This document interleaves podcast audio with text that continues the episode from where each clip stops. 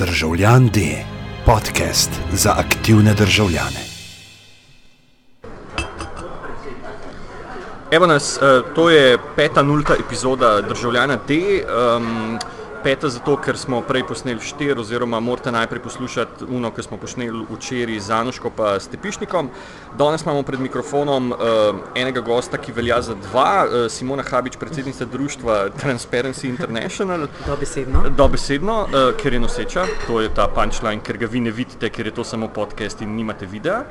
Um, Je pa v bistvu, z njo smo se pa dobili, ker, ker so po poročilih, oziroma ker je v javnost prišla novica, da je društvo Transparency International prvi ali drugi, drugi, najhujši, drugi najhujši lobist v državnem zboru. In zdaj najprej moramo vprašati, tako, kako izgleda lobiranje nevladne organizacije oziroma nevladne organizacije, ki se, ki se zauzema za, za čim večjo transparentnost. Um, to je po eni strani lahko neka provokacija, ne, v bistvu, glede na to, da um, gre za prijavljene lobistične stike. Ne, ne, gre zdaj, mi, ne gre za to, da smo mi zdaj največji ali pa skoraj da največji lobist, poleg mislim, da je na prvem mestu bil um, Sazas, ne, uh, lobist, ampak gre predvsem za to, da mi nismo dolžni prijavljati lobističnih stikov, um, ker smo pač nevladna organizacija, ampak smo se zato vseeno odločili, da na tak način po eni strani tudi um, opozorimo tako de, vse deležnike na drugi strani, da so dolžni prijavljati lobistične stike in jih nekako na tak način tudi osveščamo, kaj sploh je lobiranje, da je to pač čist uh, legitimna um, pravica, uh, bom rekla, tako nevladnih organizacij, ki lobirajo za neko javno dobro in zato še niso lobisti, ne? pravica registriranih poklicnih lobistov, da lobirajo za neko podjetje, za svoje ali za neko uh, drugo uh, podjetje, ker želijo bodi si spremeniti zakonodajo, bodi si spremeniti neke razmere na bolje. Ali pa pač na slabše, uh, upajmo, da ne tako. In pa seveda um, za tiste, ki morajo biti upravljajo lobistično dejavnost kot organizacije ali vplivajo na odločevalce. Um, pomembno je pa v bistvu v tej smeri lobiranje kot tako, zato ker je percepcija javnosti uh, glede lobiranja predvsem negativna. Ne? Zdaj, če nekomu reče, ja, on je pa zlobiral ne vem kaj, pač vsakdo reče, da je zlorabil javni sistem. Mislim, to, sem, to sem hotel vprašati, kako zdaj to poteka. Vi pa nesete dva kufra denarja vsakič in pol rečete kaj. Uh, ne, mi predvsem, bom rekla v narekovajih, ne, lobiramo za boljši jutri vseh nas. To se pravi, po eni strani za spremembo zakonodaje, po drugi strani za izboljšanje zakonodaje in upozarjamo na nepravilnosti. Temu bi lahko rekli a, pač lobiranje v dobro javnosti oziroma v javno dobro. Nimamo koristi od tega. Ja. Nimamo koristi, ne imamo smodnarja. Okay. Um, se dogovorimo za sestanek in potem pač lobistični stik, če ima ta stik, torej kava, pogovor, uh, namen vplivanja na spremembo neke odločitve, spremembo neke pravne ureditve, spremembo nekega sistema, ki vpliva na vse državljane, potem temu rečemo lobistični stik in ga potem prijavimo. Pomembno pa je, ali ga v določenih primerjih, ko so to dolžni storiti, tudi prijavljajo ministrstva, recimo konkretni primer, uh, gremo na uh, naši zaposleni, seveda uh, grejo na vem, ministrstvo za javno upravo, kjer se pogovarjamo o zakonu o dostopu do informacij javnega značaja, o zakonu o političnih strankah, o zakonu, vem, o javnem naročanju zdaj recimo.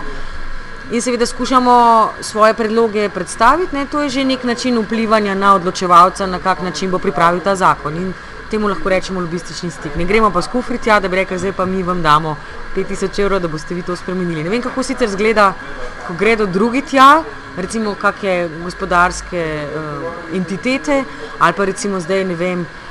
Pri zakonu o dostopu do informacij javnega značaja veste, da je bila Banka Slovenije zelo aktivna, se je želela izločiti iz tega objavljanja vseh podatkov in nekako je skušala lobirati za to, da bi bila izločena, ne? tudi kot neka, bom rekla, javna entiteta. Mi vsi smo po eni strani pol na koncu lobisti, kako koli se te etikete želimo znebiti, ampak moram povedati, da je predvsem je naš trud nevladne organizacije v tem, da tudi iz tega lobiranja odstranimo tančico in rečemo, da je lobiranje ok, dokler je regulirano, čeprav spet govorimo o regulaciji, dokler smo sami do sebe pošteni. in pa seveda do javnega denarja, je lahko lobiranje super stvar, ki spremenja stvari na bolje.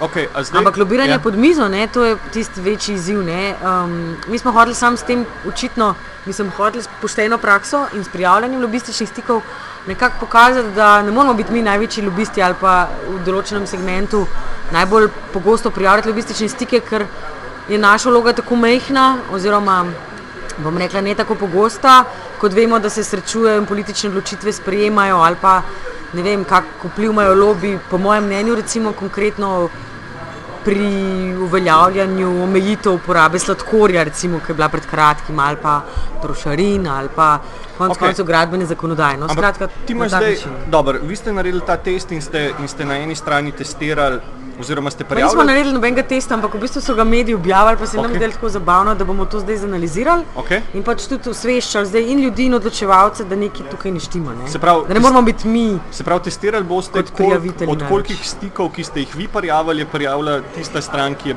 mislim, nasprotna stran, ki je bila z vami v stiku? Deloma je to tudi res, ne? ampak obvezani so določene lobistične stike prijavljati. Um, in te niso med tistimi, ki bi bili najbolj obvezani. Ne? Ampak še zmeraj se mi pa zdi, da še zmeraj uh, pridemo do nekih zaključkov. In sicer prvi zaključek je ta, da mi definitivno nismo. Mislim, da je žalostno, da smo mi prijavili največ lobističnih stikov. Uh, seveda, lobiranje poteka v senci, kot mu rečemo, pod mizo, um, pogosto krat na kofetih, zunaj javnih stavb, kjer pač tudi neka evidenca, ki ne bi zdaj pač obstajala na vsakem, recimo, ministrstvu ali pa ustanovi, ne bi se lobisti evidentirali, ampak zdaj, če nekdo ni registriran kot lobist uradno, ne, pa v bistvu ni lobist. Ne, ampak jaz mislim, da je vsakdo, ki lobira za neko spremembo, lobist, okay. registriran ali ne, in da so, če že ne, tisti, ki prihajajo z željo po neki spremembi, pozitivni, negativni, kakorkoli že, ali njihovem interesu, da so na drugi strani javni uslužbenci, funkcionarji, kdorkoli dolžni za poskrbeti za to, da se te um, stiki uh, prijavijo, potem pa ne strokovnjaki odločajo, če že sam ne moreš odločiti, ali gre za lobistični stik ali, ali je šlo za lobistični stik ali ne. Izziv je pa predvsem v tem, da je interes vedno kot pri korupciji na obeh straneh ne? in sta obe strani pol tihi. Jaz pa vedno rečem, da sta v korupcijo neko svojo definicijo upeljala, da so upleteni trije. Torej, nekdo, ki daje, nekdo, ki prejema karkoli že, ali je to nek nelegalen ali pa netransparenten lobistični stik, denar, podkupnina, storitev, usluga. Na tretji strani smo pa javni davkoplačevalci, oziroma je pa javni denar in vsi mi ostali, ki smo pa, bom rekla, oškodovani, no, tako oškodovanci. Čeprav se to tako smešno sliši, ampak zelo redko doma ne razmišljamo o tem, recimo, verjetno ti ali pa jaz, da nam korupcija in pa sorodne prakse poberejo 100-200 evrov na mesec žepa. Vsak mesec se mi zdi več. Uh, in da če je nekdo pošten, ni nagrajen, ampak so predvsem nagrajeni tisti, ki iščejo luknje v sistemu. Luknje v sistemu pa nastajajo tudi zaradi prenormiranosti, preveč regulacije, preveč kompleksnih zakonov in seveda pravnikov, ki jih interpretirajo vsak po svoje. Zdaj, ok, tle imamo ene dve kategorije, nekako tako pol zaznačne. Eno je ta eh, zloglasni etični posameznik, ki naj bi to vedel, da se to ne dela in da naj bi ga že v bistvu mali možgani, eh, da bi mu že v bistvu v malih možganih da bi mu mali možgani preprečevali, da bi se spuščal v neko korupcijo oziroma da bi deloval koruptivno. Ne? Pa vemo, da se to ne dogaja. Odvisno, kje ti mali možgani živijo. Tudi, Deloma lahko rečemo, čeprav se jaz včasih s to teorijo ne strinjam ravno, ampak to spet sklepaš sebe, ne? če sem te prekinil, prosti. Ampak kulturološko gledano, če je nekaj v našem okolju normalno, sprejemljivo, predvsem, ne, potem bova mi dva v tem okolju se adaptirala ne, temu okolju in bova tudi sama sprejela no, to sem, prakse, to sem, ravno to sem mislil. Ne, in otroci isto in tako se pač zadeva vzgaja. Zato v nekaterih državah lahko korupcija na visoki ravni, v nekaterih je pač manjša. Je pa uh, uh, hongkonški primer pač dokazal, da se jo da izkoreniniti do ničelne stopne tolerance na umeten način v zelo kratkem času. Tako da Da se, no, to, to je Ampak point. recimo konkretno Hongkong. Hongkong je v bistvu, če primerjaš Slovenijo, pa, pa Hongkong imaš v bistvu več teh razlik ali pa, ali pa več teh nekih. Um, kulturnih. Nekih in kulturnih, in psiholoških, in v bistvu tako vidiš, kaj bi moglo vse spremeniti, da bi ratal Hongkong. Ne samo ne vem, mentaliteto, ampak tudi okolje, ampak tudi recimo, odnos do nekih, da to ni zdaj zadeva, ki bi jo skopirali, a veš, ena. No, ena se, se to jaz vedno opozarjam. Mi pogosto krat recimo kopiramo evropske direktive ki so po eni strani uh, strokovni dokumenti, lahko recimo, če zdaj govorijo o direktivah, dveh direktivah o javnem naročanju in koncesijah. Ne? Mi ne moramo direktive zgolj, čeprav smo dolžni prekopirati slovenski pravni red, jo prekopiramo, ampak še vedno je treba pravni red prilagoditi slovenskim razmeram. To ne pomeni prilagoditi zdaj koruptivnim praksam, ampak prilagoditi, da bo teh koruptivnih praks čim manj, k čemer, k čemer, nam, k čemer nas uh, uh, direktiva pač ne bom rekla, omejuje, ne, pravi, mi smo lahko boljši. Ali pa najdemo rešitve različne, ne vem, uporabo informacijske tehnologije pri tem, ali pa um, ne vem, neke rešitve, v katerih smo odlični, ne, pa na to pozabljamo. To se pravi, jaz mislim, da uh, prevajati nekih rešitev iz tujine brez treznega in tehnega analitičnega razmisleka domačega okolja je ne, nemožno. Ne. To pomeni, da jaz pričakujem od države, da bo naredila analizo, vem, da bo anketirala gospodarstvo, mlade, brezposobne, karkoli in na podlagi teh ugotovitev implementirala direktivo in določene um, zakonske vem, akte, če temu tako rečemo. Ker te zakoni konec koncev nas oblikujejo, omejujejo um, in pa seveda krojijo naš način življenja. In ta družba se bo skozi te zakone izrodila, spremenjala ali pa olajšala. Meni je bil recimo zelo zanimiv primer, zelo na kratko. No. Na Danskem imajo pravilnik o um, uh, telih energetskih storitvah stavb, ne, one pager. in se lastniki sami med sabo zmenijo in to je njihov no, problem. No, Pri nam je pa 77 tavžen zakonov za to, da se ravno, ravno vse to zakomplicira in nobene odgovornosti lastne nimamo in nima tudi država zaupanja v državljane. Ne? Ampak ravno ta zadeva je, ne? na eni strani imaš, imaš pač uh, ljudi, ki, ki uh, hvatamo krivine oziroma ki bi radi samo pač, uh, se izognili nečemu, na drugi, na drugi strani imaš državo, ki bo mogla očitno na koncu regulirati še dihanje, zato ker pač bo kdo narobe dihal, pa bo mislim, bo zlorabljal. Ja, ampak ta narobe diho bo eden ali pa dva, ne? na koncu bomo pa vsi dihali tako, kot država hoče. Ampak ravno, ravno to je, ne? a obstaja kakšen drug način, oziroma obstajajo neke dihalne vaje za posameznika, ne? s katerimi recimo pač veš, da, oziroma oba veva, ali pa recimo, da, da je neko splošno, splošno znanje, da, da recimo da ne moreš pač od zunaj prisiliti človeka, da bi se nekaj obnašal, če na noter čuti nekako drugače, oziroma da mora biti ta pritisk res intenziven, tega pa noben ne dela. Ne. Obstajajo neke dihalne vaje za posameznika, ki jih ta posameznik dela sam za, za lasten gušt ali pa za lasten mir, zato da je da se potem, a veš, ta teorija uh, tega kitajskega ali japonskega mučenja, ki potem s kapljico presekaš pač granit, ne? se pravi po malem, mehne spremembe na noter, pa v bistvu potem pride ven neka velika sprememba. Zdaj, če govoriva o dihanjih vajah za družbo ali pa dihanjih vajah za posameznika, jaz ne, o tem sem razmišljala kar nekaj časa v smislu, zakaj sem jaz taka, ker sem, zakaj je meni recimo transparentnost, integriteta, poštenost uh, pomembna, zakaj me krivice včasih bolijo, zakaj si želim za svoje otroke nek, neko zdravo, bom rekla, odprto okolje, v katerem bodo lahko svobodno živeli in imeli pač osnovne pravice, pravico do dela, pravico do gibanja. Skratka. A ne, sem razmišljala, odkje meni to, ne? zakaj sem jaz taka. Mogoče sem deloma karakterno taka in se bi teh dihalnih vaj sama lotila. Nekateri ljudje rabijo liderja pri tem.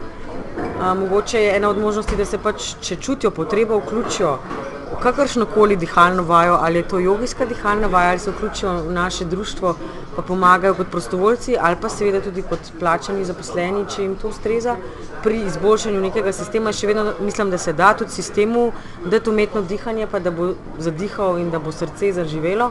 Uh, ker ne, moramo izhajati iz te predpostavke, da so ljudje pošteni, da niso vsi pokvarjeni in da mediji vedno poročajo, poročamo o slabih stvarih zelo redko slišimo, kaj je neko ministrstvo naredilo dobrega, ker to pač se ne prodaja. Ne?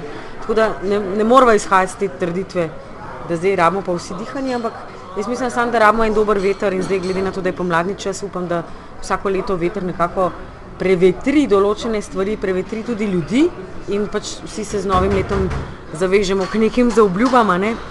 Um, da bomo, če ne drugega, predihali sebe. Ne? Mi nikoli za novo leto ne damo za obljubo za sodelavca, soseda, partnerja ali pa za svojega otroka, ampak rečemo, jaz bom pa zdaj naredila to, pa to, pa to. Tako da jaz mislim, da ena varijanta je torej, da če si sam karakterno tako močen, da lahko predihaš sebe, ali da te prediha nek odnos v družini ali pa v širši družbi. Ne? Um, to je ena možnost. Druga je, da se pač nekam vključimo in da tam aktivno sodelujemo pri razvoju te družbe. Jaz mislim, da če bi vsakdo, ne vem, se vsaj preizkusil v prostovoljnem delu z vem, starejšimi. A veste, že če odstopiš, zdaj filozofiram, ampak če odstopiš, sedeš na avtobusu starejši osebi ali pa nosečenci, se mi zdi, da si naredil neki en korak na poti k temu. No, to hočem reči. S temi malenkostmi, z, koraki, z enim korakom, pa z drugim, pa s tretjim, sebe gradimo. In če sebe gradimo, gradimo to družbo, ker smo del te družbe. Ne? In jaz sem se, tako kot sem rekla prej, da sem se sprašvala, odkje mi to. Mene so starši tako vzgojili, ampak pa so spet v začaranem krogu. Ne? To se pravi, jaz lahko naredim danes, tukaj in zdaj to da privzgojim neke, neko integriteto, neko transparentnost, neko pošten odnos do sočloveka. In če uporabim besede vzgojiteljice moje uh, punčke um, pač in te metode, ki jo pač uporablja pri svojem delu, spoštuj sebe, spoštuj drugega in spoštuj okolje, v katerem si. In jaz mislim, da je to odlična osnova, da otrok zraste uh, in da ga usmerjamo v to. In hkrati potem tako je mene tudi mama vzgajala, je, sem jaz zrasla v tako osebo in jaz to dajem svojemu okolju in svoji družbi.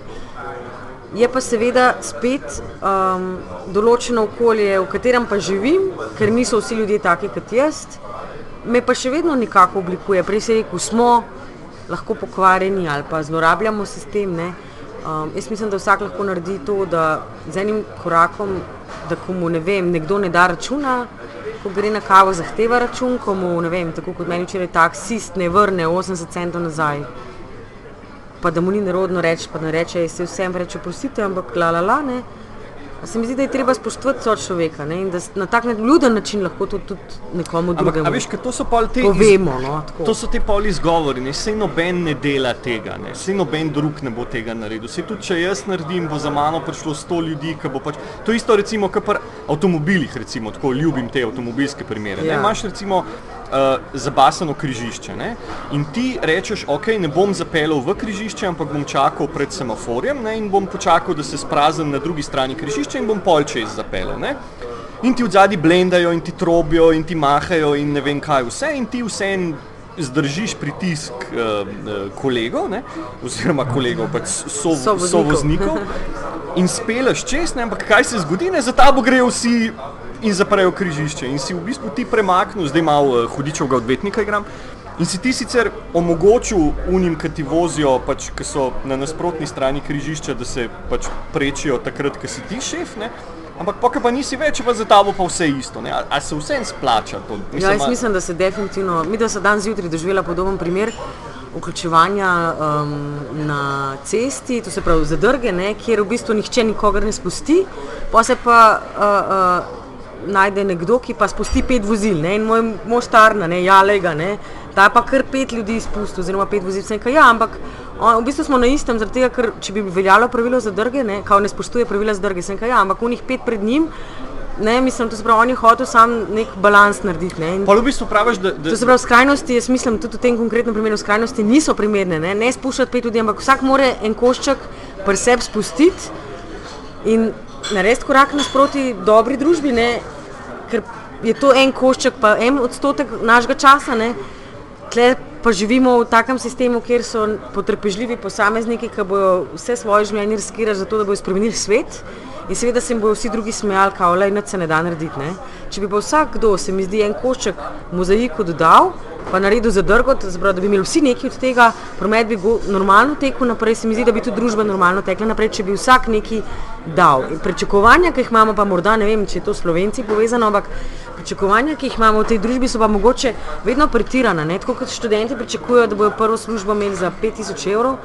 Ker se je absurdno s tem, da ne rečem, če bi prišel z eh, fakultete, ki bi ga usposobili delati na nekem delovnem mestu ali pa mu dati znanja, pa mu pač ne. Ok, mu daš denar, dela. Ampak se mi zdi, da so pričakovanja, um, ta neprič, kako se reče, neočakanost, ne? mislim, meni je to fenomenalno. Ne? Uh, neočakanost, vsi bi tukaj zdaj hiter, včeraj že. Uh, življenje gre prehitro naprej, uh, premalo gremo v neko naravo, zbalansirati tisti tedenski tempo. Se mi zdi, da smo vsi ljudje narejeni tako in da tudi od države pričakujemo, da bo reševala naše osebne probleme. Ne, ne naredimo pa sami nič za to, da bi ne mi reševali državne probleme, ne, Ampak ja, tudi to, ampak v bistvu, da bi mi se postavili zase, za svojo družino, za svoje okolje in da bi mi prevzeli neko pobudo. Ne? Ajde, pa deva zdaj. V tem tako, smislu. Jaz mislim, zdaj... da lahko vsakdo naredi in da pričakovanja ne smemo imeti do sebe, da lahko spremenjamo svet na globalni ravni ali pa na najvišji ravni, zdaj bomo mi spremenili vlado, pa politiko, pa da korupcije pa ne bo več.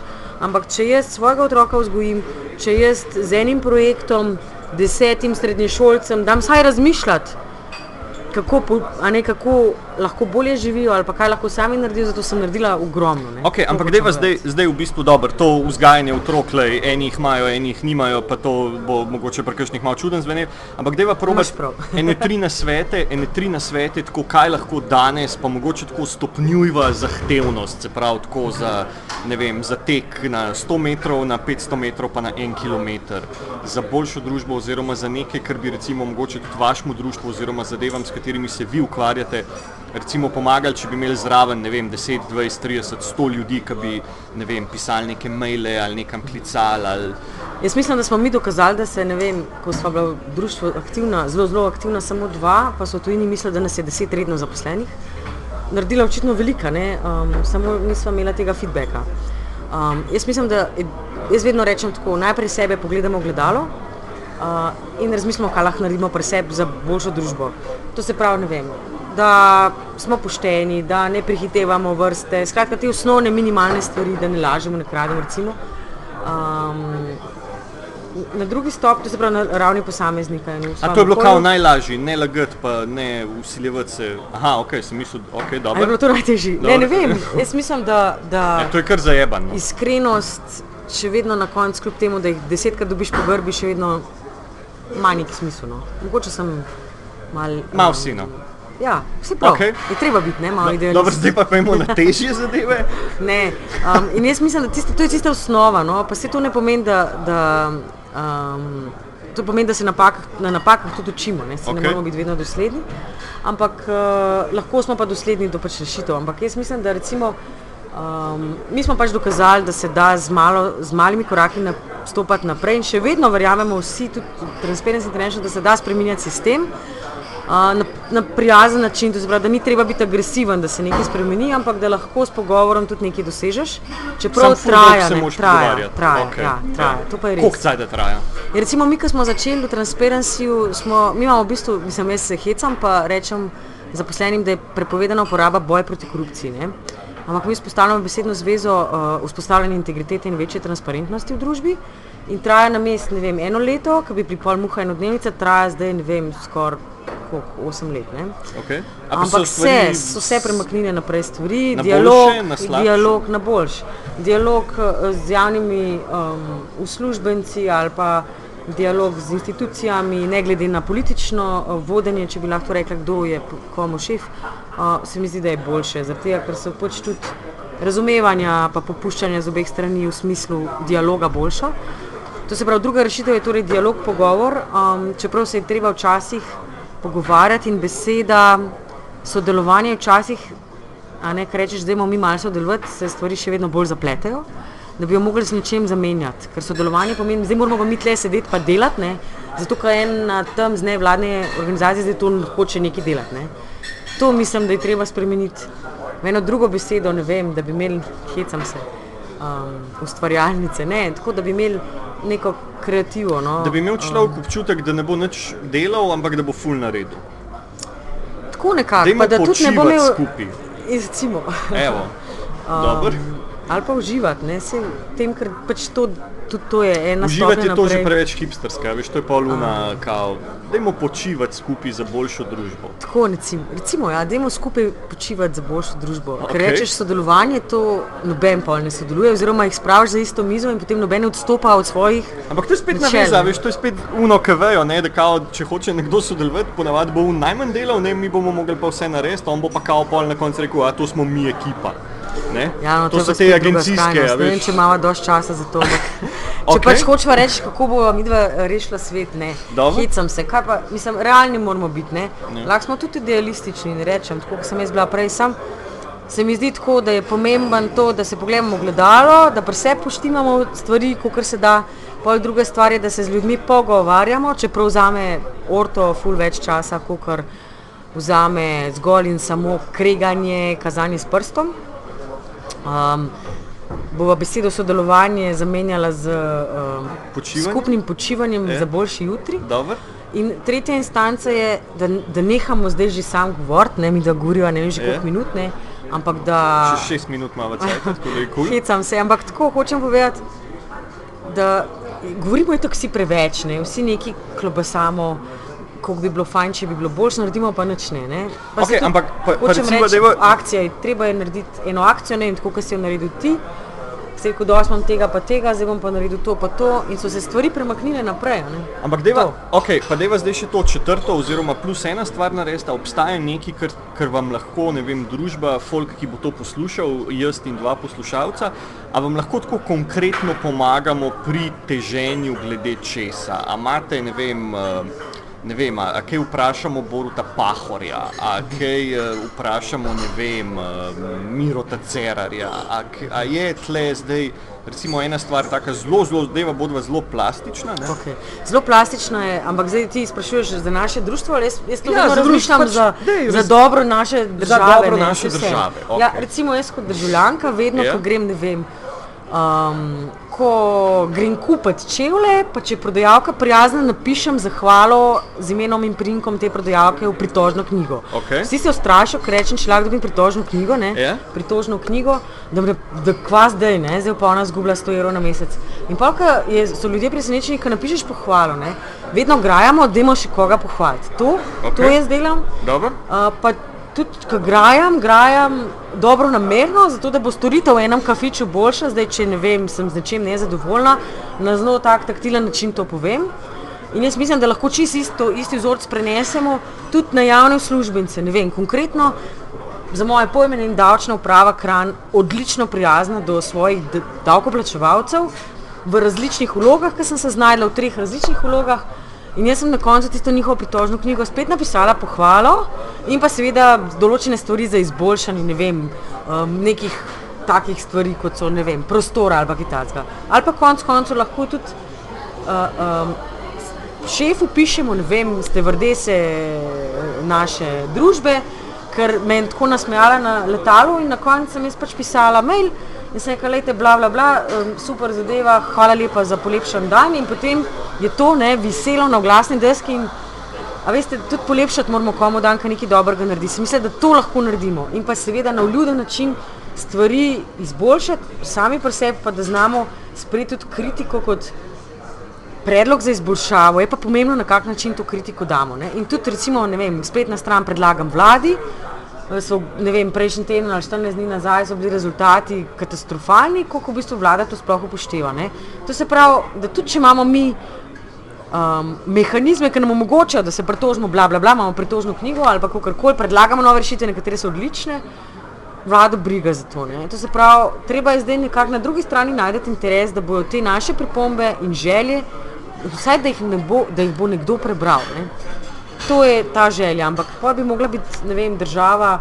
Bi mogla nekaj od teh državljanov imeti, ne? ampak država se obnaša, kot da nič od teh državljanov nima, ne? ampak državo delamo mi, ne? državljani. Tako da ko, da, da ne delamo teh življe- življenjskih sprememb samo, ker živimo kot fizične osebe, ampak javnih te fizične osebe so zaposlene tudi v javnem sektorju. To se pravi, da lahko že one na svojem delovnem mestu vsaj obravnavajo željo nekega državljana ali pa da jo vsaj preberejo, pa mu odgovorijo na mail. Ne samo zato, ker se morajo zakonskih določil držati. To hočem reči, način komunikacije bi lahko spremenili. Konkretno pa ja, predlagajte, zahtevajte svoje pravice, informirajte se, predvsem je pa izziv v ljudeh ta, da je to vse tako zakomplicirano, da ljudje ne poznajo svojih pravic. Ampak jaz mislim, da če na glas govorimo, če sprašujemo, če se ni sram, um, da lahko pridemo do nekih rešitev ali do drugega človeka, ki nam bo pomagal, recimo mi na področju prijaviteljev korupcije, kjer pomagamo tistim, ki se soočajo z, napa z hudimi napakami v sistemu, kjer jim nudimo pravno pomoč. Uh, pa nam ni treba, ne, ampak jo brezplačno nudimo, do tega, da pri nas delajo tudi prostovoljci iz pravne fakultete, kjer pač ljudem pomagajo. Ne. Uh, in se lahko obrnejo tudi na nas, konc koncev, če želijo nekaj predlagati vladi, pa na uni spletni strani stvar ne funkcionira. Pa smo pa mi tukaj, ko upozorimo, da naj ta sistem deluje bolje. Ne.